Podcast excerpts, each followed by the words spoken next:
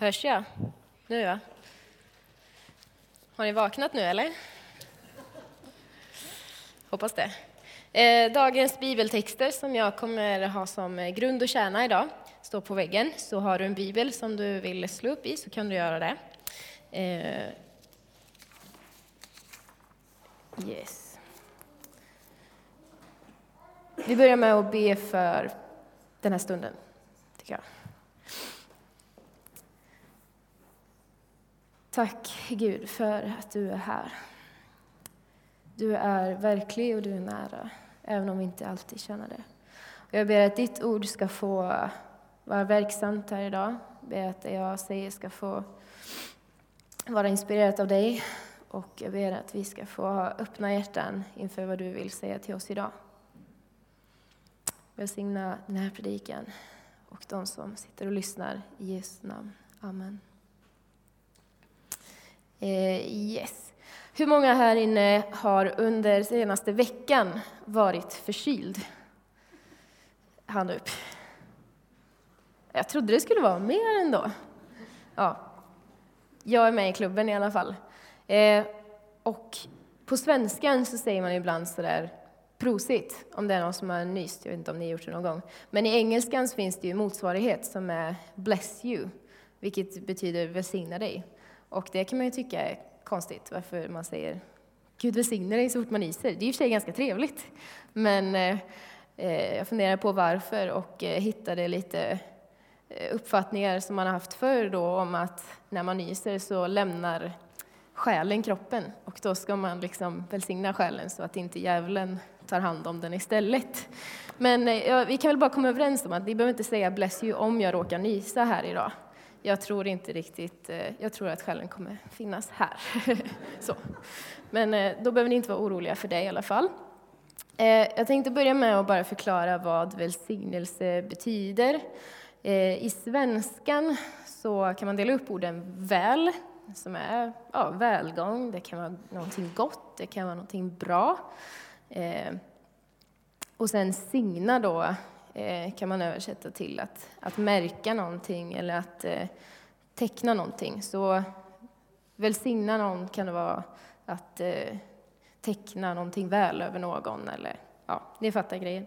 I Gamla testamentet på hebreiskan är det ungefär samma, samma betydelse. Men i Nya testamentet på grekiskan så kan det dessutom betyda att eh, tala väl om någon eller lovorda eller prisa. Eh, det står till exempel på några ställen att eh, Gud är välsignad. Eh, och då handlar det mer om att man lovordar honom och prisar honom för den han är. Så då har vi klargjort lite vad välsigna betyder. Vi är, I kyrkliga sammanhang använder man det ju ganska mycket så. Ehm, jag heter Caroline Bergman, jobbar som ungdomspastor i den här församlingen. Det ska bli roligt att predika för er idag.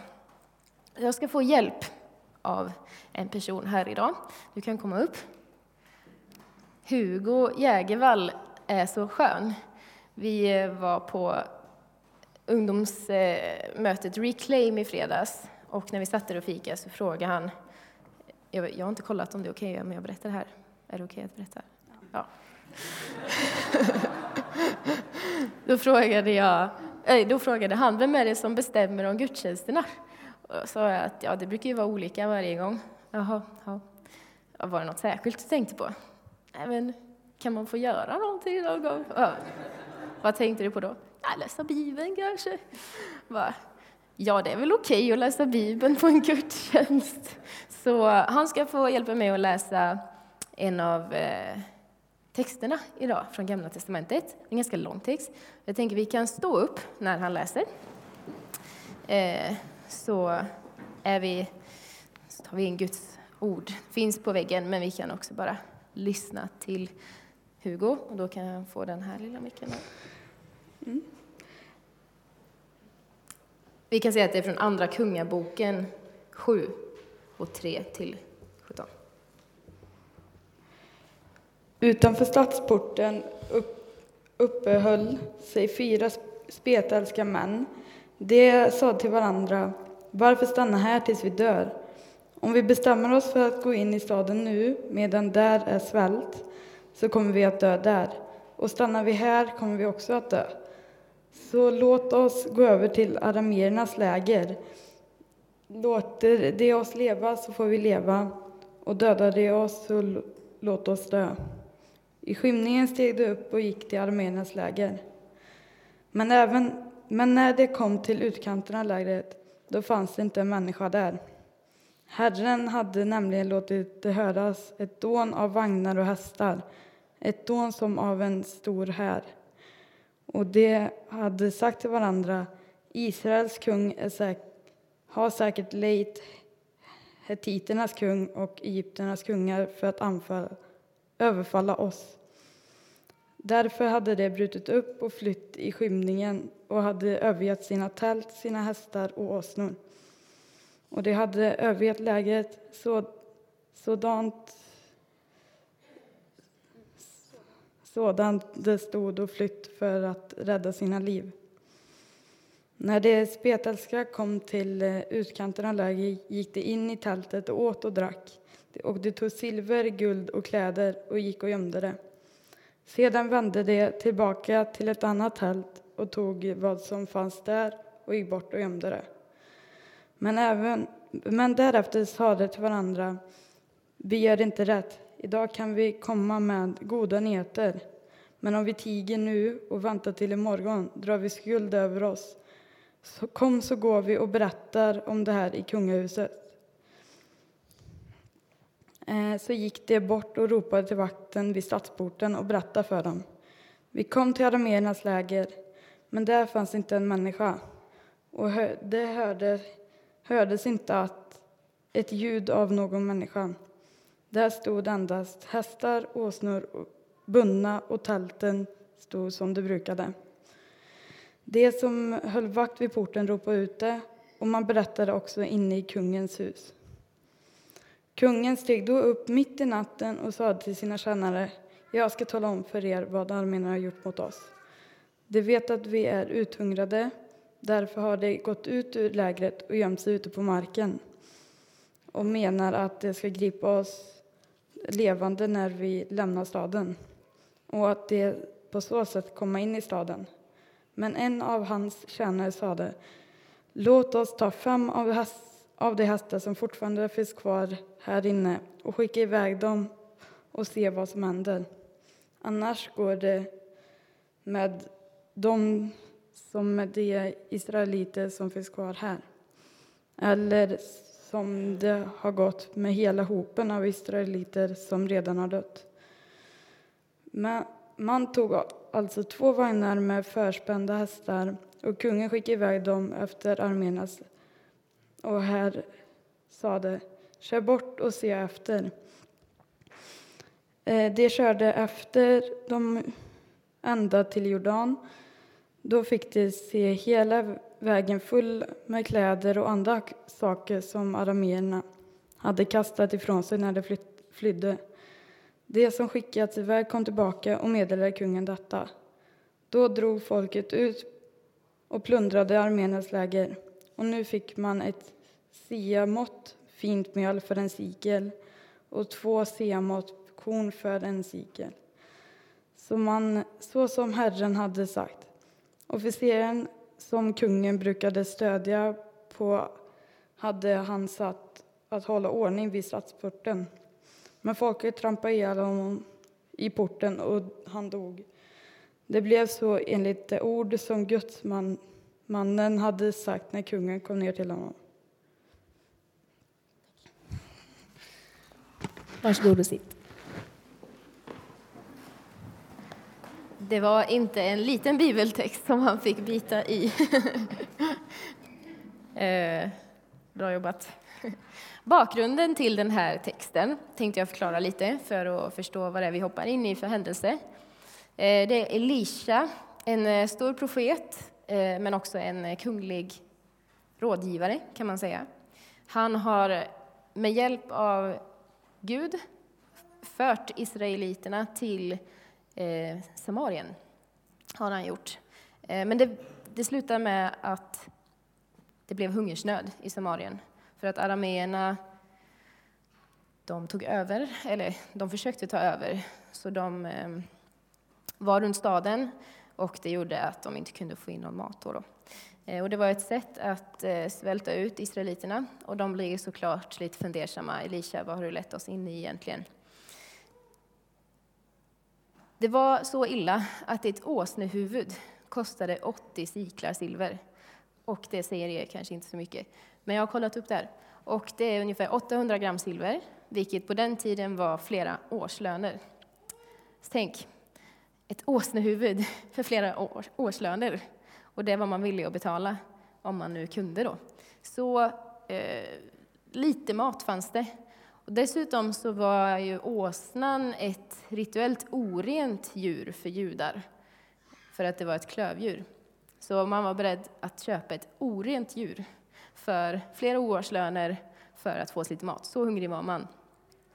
Det var dessutom så illa att vissa mammor åt deras barn för att de var så hungriga. Det var illa, med andra ord.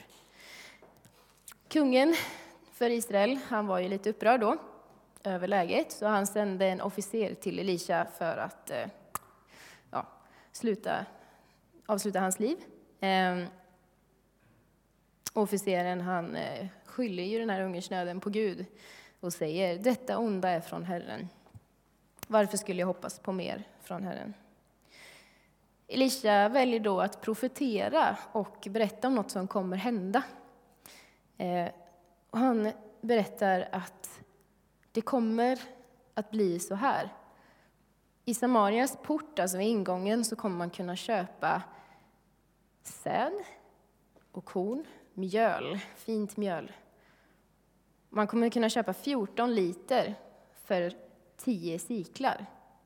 Om man omvandlar lite här nu så är det ungefär ja, 10 gram silver. Så du kan köpa 14 liter fint gott mjöl för 800 procent mindre, eller vad blir det? Jag är inte bra på matte. Men åsnuvet kostar 800 procent mer än 14 eh, liter säd. Så det var ju drömmen att få tag på det här nu då. Och det här var en profetia som alla kanske inte litade på så mycket.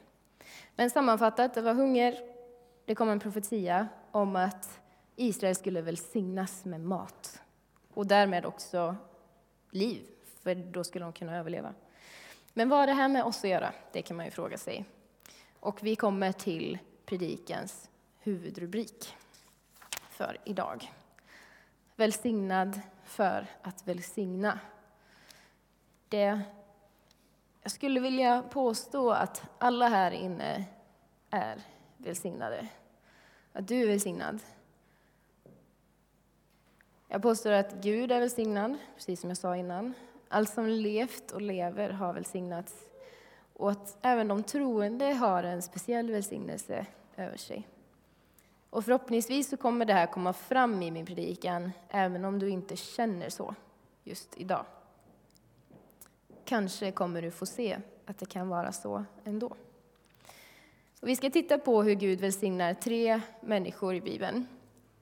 Eh, och framförallt hur han välsignar andra genom de här människorna. Och den första ut är Abraham. Bibelordet som vi stödjer den slutsatsen på står i Första Mosebok 12 och 2. Där ska jag göra dig till ett stort folk. Jag ska välsigna dig och göra ditt namn stort. Och du ska bli en välsignelse. Gud välsignar Abraham så att han kan bli en välsignelse. Det är också ett löfte som går igenom alla hans följande generationer. Sen eh, nästa person är då Hanna kallas hon. I Samuelsboken, första Samuelsboken så kan vi läsa om henne och att hon inte kan få barn. Men hon ber till Gud och Gud eh, ger henne ett barn. Det står så här. Den här pojken bad jag om och nu har Herren gett mig vad jag bad om. Därför vill jag nu ge honom tillbaka till Herren. Så länge han lever ska han tillhöra Herren. Och de tillbad Herren där. Gud välsignade Hanna med ett barn och hon valde att välsigna vidare genom att sätta honom i tjänst för Gud och i templet och Samuel fick senare välsigna väldigt många människor i hans tjänst. Den sista personen jag skulle vilja ta upp är ingen mindre än Jesus Kristus. Och i Apostlagärningarna 3 så står det så här. Ni är barn till profeterna och arvtagare till förbundet som Gud slöt med era fäder. När han sade till Abraham, i din avkomma ska alla folk på jorden bli välsignade. Och här uppfylls det löftet som Abraham fick. För Jesus ses som den här avkomman som därigenom alla skulle bli välsignade. Och jag har lärt mig som ungdomspastor att eh, man ska, ställa, man ska förklara varför till många frågor. Man ska inte bara säga så här är det, utan man behöver också prata om varför är det så här.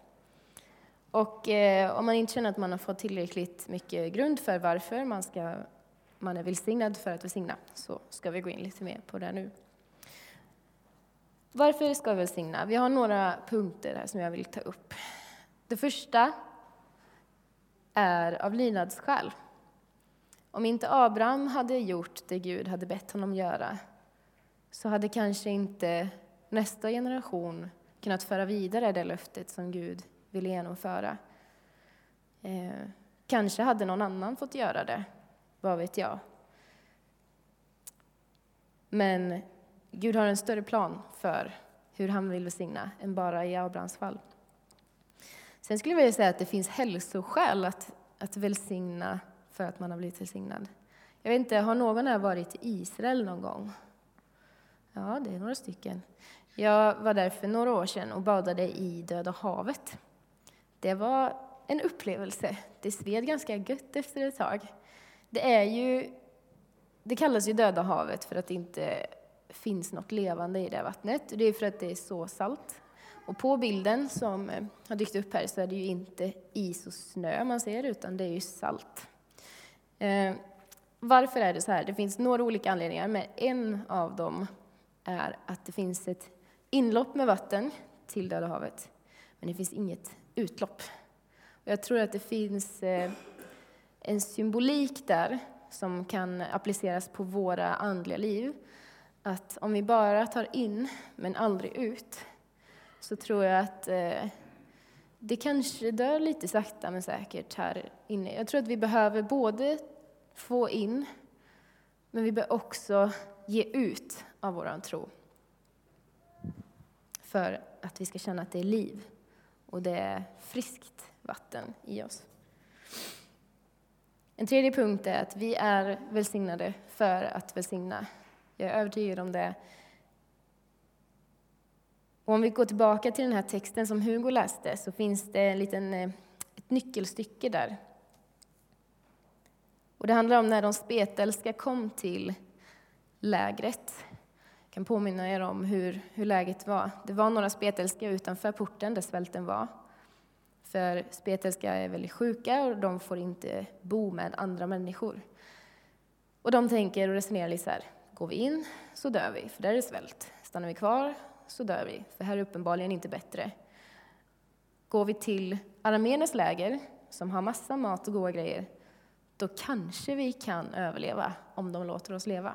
Så de har liksom inget att förlora. Så de testar att gå dit och det visar sig att Gud har skrämt bort arameerna. Så det finns massor av mat och dryck och kläder och massa fina grejer. Och det skulle inte förvåna mig att eh, de här spetälska männen tänker Yes, bönesvar! Gud har hört våra böner. Han har välsignat oss med mat. Eh, så de börjar ju käka och de gömmer till och med undan lite grann till senare. Men sen så är det en som, sen säger de till varandra, hörni, vi gör inte rätt. Idag kan vi komma med goda nyheter. Men om vi tiger nu och väntar till imorgon, då drar vi skuld över oss. Kom, så går vi och berättar om det här i kungens hus. De hade kunnat se det som ett stort bönesvar, och det är inte fel, för det var det ju också. De blev välsignade av Gud. Men de lyfte blicken och såg att det här var ju en välsignelse som dessutom var till för hela staden. Det var det Elisha hade profeterat om. Det visste förmodligen inte de, att han hade profeterat, för det hade han gjort inne i staden. Men de valde att välsigna med det de hade blivit välsignade med. Och jag tror att det är så Gud eh, jobbar lite. Han ser liksom hela tiden större bilden. Och han välsignar oss. Ja, för att vi också ska vara i gott kanske.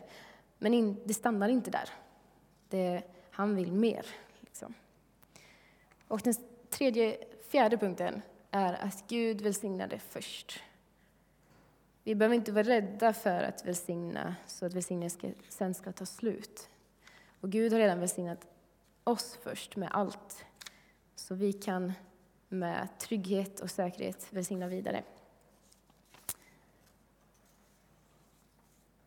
Och här finns det, jag skulle vilja ta upp den största välsignelsen och egentligen är det tre som jag tar upp. Som vi kan liksom stödja oss på att, jo men Gud har välsignat mig. Och det är ingenting som går att ta ifrån mig. Ehm, och det kan jag liksom stå på för att sen kunna välsigna andra. Och det här är sånt som håller. Och det första är livet. Med tanke på i torsdags med bilolyckan som ledde till, det slutade med ett dödsfall, så blir vi påminda om vilken gåva det är att få vara vid liv. Och hur lite vi styr över hur länge vi får finnas just på det här jordklotet. Ingen av oss har förtjänat att födas. Ingen har förtjänat att få leva egentligen. Och ingen av oss egentligen heller rätt att vara kvar på den här jorden så länge som vi vill bestämma. Det står i Bibeln att till syndens lön är döden. Men Guds gåva är evigt liv i Kristus, Jesus, vår Herre.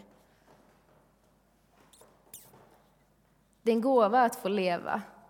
Och det är dessutom en gåva att få chansen och möjligheten att få leva i evighet. Att få chansen att välsignas med att få höra om och gensvara på Guds fullkomliga kärlek genom Jesus Kristus. Vi förtjänar inte livet. Ändå väntar Gud med att sända tillbaka sin son för att skipa rättvisa på den här jorden. Och det är för vår skull. För att fler ska få höra om Jesus. För att fler ska få lära känna honom. Och det, mina vänner, skulle jag säga är kärlek. Han älskar oss när vi inte ens förtjänar det. Han ger oss möjlighet till evigt liv, även när vi inte förtjänar det. Jag tror vi är kallade att välsigna andra på samma sätt, lika osjälviskt, lika radikalt. Det andra är frälsningen. Och det har jag ju redan pratat om här. Och här skulle jag bara vilja läsa en bibeltext som är min andra huvudtext för den här dagen. Jag kommer inte utveckla den, utan jag kommer mest bara läsa den och be er lägga märke till alla, all välsignelse som det står om, alla gåvor det står om och av vilken anledning. Det står i Efesierbrevet 1 och 3 och framåt och jag har klippt eh, lite, förkortat den lite. Välsignad är vår Herre Jesu Kristi Gud och Far, som i Kristus har välsignat oss med all andlig välsignelse i himlen. I kärlek har han förutbestämt oss till barnaskap hos honom genom Jesus Kristus, efter sin goda viljas beslut, till ära och pris för den nåd som han skänkt oss. I den älskade. I honom är vi friköpta genom hans blod och har förlåtelse för våra synder. Tack vare den rika nåd som har lett flöda över oss med all vishet och insikt. I honom har vi också fått vårt arv, förutbestämda till det av honom som utför allt efter sin viljas beslut, för att vi som först har satt vårt hopp till Kristus ska bli till hans ära och pris. I honom har också ni, när ni hörde sanningens ord, evangeliet om er frälsning, och i honom har också ni, när ni kom till tro, fått den utlovade helige Ande. Och här kommer vi in på den tredje delen av den största välsignelsen som vi fått. som troende så har vi fått den utlovade heliga anden som ett sigill. Och i första apostel, i Apostlagärningarna 1 8 det står att lärjungarna de skulle få kraft, andens kraft. Och eh, varför skulle de få det? Kanske för att de skulle känna sig styrka, styrkta. Men det slutar inte där, för det fortsätter med att de ska få andens kraft att vittna om Jesus i världen. Så det slutar inte med välsignelsen vid dem själva, utan det fortsätter med välsignelsen som går vidare till de andra runt omkring. Men du kanske ändå känner att vad har jag att välsigna andra med egentligen? Och som svensk så tror jag att vi har mycket att välsigna andra med. Inte alla svenskar kanske känner sig rika i den meningen, men många av oss har det materiellt gott ställt. Och jag hittade en skön bild som, eh, som handlar om den ekonomiska välfärden. På engelska står det, så jag kan översätta. Men eh, when God blesses you financially, don't raise your standard of living, raise your standard of giving. Jag tror inte det är fel att ha en högre lön. Jag tror inte det är fel att eh, köpa en ny soffa. Men eh, det han vill komma åt här i citatet är att med att vår välfärd höjs så ska också vårt eh, givande höjas. Eh, man kan nästan jämföra det med den svenska skatten.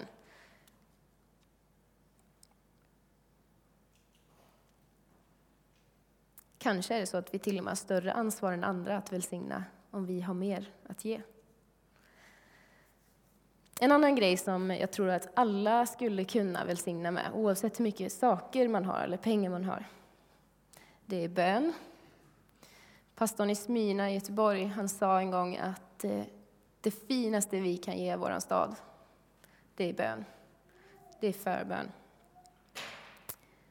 Eh, Profetiska ord, det låter väldigt storslaget. Och det är det på sätt och vis. Men det kan också vara ganska enkelt. Jag läste i Världen idag en artikel av eh, Hans Weissbrott. Ni vet säkert mer än, eh, än jag vem det är, eller några av er kanske. Men eh, han jobbade som präst i alla fall och han hade haft ett riktigt kämpigt år. Och han umgicks med tanken väldigt mycket att sluta som präst, vilket är en ganska big deal om man känt sig kallad att det är mitt livskall, att sen sluta. Men en dag när han satt och kollade på Hitta Nemo, eh, hur många har sett Hitta Nemo här? Bara så att jag inte drar en referens som ingen vet om. Eh, Hitta Nemo handlar ju om en fisk eller några fiskar, och en försvinner. Och pappa Marvin, heter han va? Ska ge sig ut för att hitta sin son Nemo. Och han stöter på en, eh, en lite förvirrad vän som heter Doris. Men eh, när Hans då sitter och tittar på den här filmen med sitt eh, barn, tror jag det var, så känner han att anden talar till honom genom filmen. För det finns en fisk då, Doris, som sjunger vid ett tillfälle, ganska många gånger och repetitivt. Fortsätt simma, fortsätt simma, fortsätt simma, simma, simma. Och så känner han hur anden liksom bara manar till honom att det här handlar om dig just nu. Eh, och han kämpar på vidare och sen är han på ett läger för ungdomar. Och så sitter han tillsammans med en liten grupp, var tre stycken, och de såg så rädda ut. Och de vågade knappt ens hälsa på honom när han gick ner för att sätta sig och be tillsammans med dem. Det var en bönestund, så, så det, var, det var tanken att de skulle göra det. Och så ber de för varandra, de turas om, och ingen hade sagt något ord högt så, utan de bad i tysthet. Men så ville de be för honom då. Eh, och så tar en pojke, eh, han börjar prata då, och säger att jag har ett ord till dig. Och det är fortsätt. Och de kände inte honom. De hade ingen aning om vem han var, knappt. De hade knappt hälsat. Men ändå så sa han, bara det här lilla, lilla ordet, fortsätt. Eh, och talade så starkt. Så förringa inte det lilla du har och kanske den lilla tanke som verkar lite oviktig och dela med den till någon som du känner dig manad att berätta för. Något som alla troende har att dela med sig, det är evangeliet. Och jag tror att vi kan behöva träna på att dela evangeliet till dem runt omkring oss. Jag behöver träna. Eh, så jag tror att fler än jag behöver träna, om jag behöver träna också. Men det är verkligen något av det största vi kan ge en annan människa. Och vi behöver inte vara rädda heller. För fler än vad vi tror längtar efter att få höra det. Särskilt från dig. Kanske inte nödvändigtvis från mig, från scen, utan ännu mer kanske från dig i vardagen. Två, ytterligare två tips på saker du kan välsigna andra med. Andliga gåvor och färdighetsgåvor. Alltså eh, skills som du har. Du kanske är bra på musik eller konst eller laga mat, vad vet jag. Eh, och det kan vara lite kontroversiellt att säga att Åh, du har en gåva, du är så duktig på musik. Och man bara, ja men jag har ju övat. Jag är inte bara jag var inte bra från början. Det är ju min förtjänst att jag är bra på att öva. Och eh, verkligen, det ska du ha. Eh, men jag tror att Gud har gett dig gåvan att, att du har potentialen att bli så bra som du är. Och tack för att du förvaltar den gåvan. Det är ett sätt att välsigna också, att du förvaltar en gåva och sen ger den vidare till andra. Och den sista tror jag att avlastning, att avlasta varandra. Vi kallar det att bära varandras bördor. Och vägleda varandra. Kanske du kan vara mentor för någon som är yngre än dig. Kanske du kan vara mentor för någon som är äldre än dig, vem vet? Jag har fått en mentor och är jättetacksam för henne. Och hon, hon sa, jag frågade, hur, eh, hur mycket ska du ha betalt för det här? Typ. Hon bara, du, du skulle inte ha råd att betala mig, sa Lite sådär lagom självsäkert. Men eh, så är det nog. Och eh, det är supervärdefullt att få ha en mentorsfigur eh, som kan vägleda en. Kanske du kan vara en sådan. Kanske du har massa fler idéer på hur du kan välsigna andra. Kör hårt i så fall. Men förringa inte det lilla du har. Jag tänker på den här berättelsen om pojken som ger av en liten matlåda till Jesus. Och sen så välsignar Jesus maten så att flera tusen får mat för dagen. Det var en jättevardaglig sak en liten matlåda som man har varje dag. Något väldigt högst vardagligt som pojken kom med. Samtidigt var intentionen med att han skulle ge sin matlåda någonting högst andligt. För han gav det i Jesu händer. Han gav det till Jesus som sen fick välsigna andra med det. Så glöm inte vem du ger till. Det är inte bara att jag ger det till min granne eller till, till min vän, utan jag ger det ju också, kanske ytterst sett, till Gud. Då behöver vi inte ge och välsigna för att få bekräftelse. Då behöver vi inte heller vara ängsliga om det kanske inte tas emot så väl heller. För vi har gett tillbaka till Gud det han har gett till oss redan. Vilka ska vi välsigna, kan man ju fråga sig. Och nu går jag in för landning. Ja, vad jag kan hitta in i min bibel så är vi kallade att välsigna varandra i församlingen. Du kan kolla upp det själv i Kolosserbrevet 3 om du är sugen. Vi är också kallade att välsigna både grannen och den som bor längre bort. Om vi går tillbaka till de här speltälska igen och tänker på, alltså, folk ville inte ha med dem att göra. De sa, ni får bo utanför staden, klara er själva, ni är äckliga. Och ändå är det de som de går tillbaka till och välsignar. Det är radikalt. Och till sist så är vi också kallade att välsigna Gud. Kanske inte med... Det är svårt att ge Gud en macka, liksom. Men välsigna i bemärkelsen att lovorda, att prisa, att tacka honom för vem han är och tacka honom för allt det gott som han har gett oss. Lina Nilsen har skrivit en bra artikel som inspirerade och där så hittar vi ett citat Vi söker så ofta hans hand, men glömmer bort hans ansikte. Så kom ihåg vem du har fått sakerna ifrån. Och ett bibelord på det från Jakobsbrevet. Allt det goda vi får och varje fullkomlig gåva, det är från ovan. Det kommer från ljusens far som inte förändras eller växlar mellan ljus och mörker. Honom kan vi lita på. Han förändras inte. Och min avslutande frågeställning till er är, vad har Gud välsignat dig med? Och hur kan du använda det för att välsigna någon annan? Bär med dig det under veckan i hjärtat, eh, som en utmaning. Och jag hoppas att jag kan få uppmuntra dig med att du är välsignad. Och jag hoppas att du får upptäcka det ännu mer framöver. Eh, vi kommer eh, ge chans till förbön idag, som varje söndag. Eh, det kommer finnas förebedjare som vill be för dig, oavsett vad du bär på, oavsett vilken förfrågan du har. Eh, så finns vi här för att bära varandra. Eh, men jag skulle ändå vilja bjuda in till några särskilda inbjudningar som jag har tänkt på medan jag har suttit med den här predikan. Och ett så kanske det är någon här som behöver bli av med ett bekräftelsebehov som liksom tynger dig och som hindrar dig från att välsigna andra eh, på ett gott sätt. För du kanske ändå inte blir nöjd när du välsignar andra.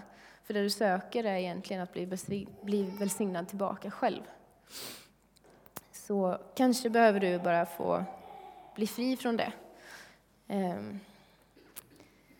sen tror jag att det finns människor här inne som kanske känner att jag behöver tacka och behöver få öva på det. Men jag kanske också behöver få hjälp att kunna tacka. Jag behöver få Guds hjälp att ta emot välsignelse. Jag behöver Guds hjälp att kunna ta emot komplimanger, att ta emot gåvor. Jag fixar inte det, för det känns så jobbigt. Kanske att du behöver få Guds hjälp att bara lära dig att ta emot. Och sen så vill jag också bjuda in dig som känner att jag vill ta emot Guds frälsning i mitt liv. Och den välsignelsen som det är. Och då är du också välkommen.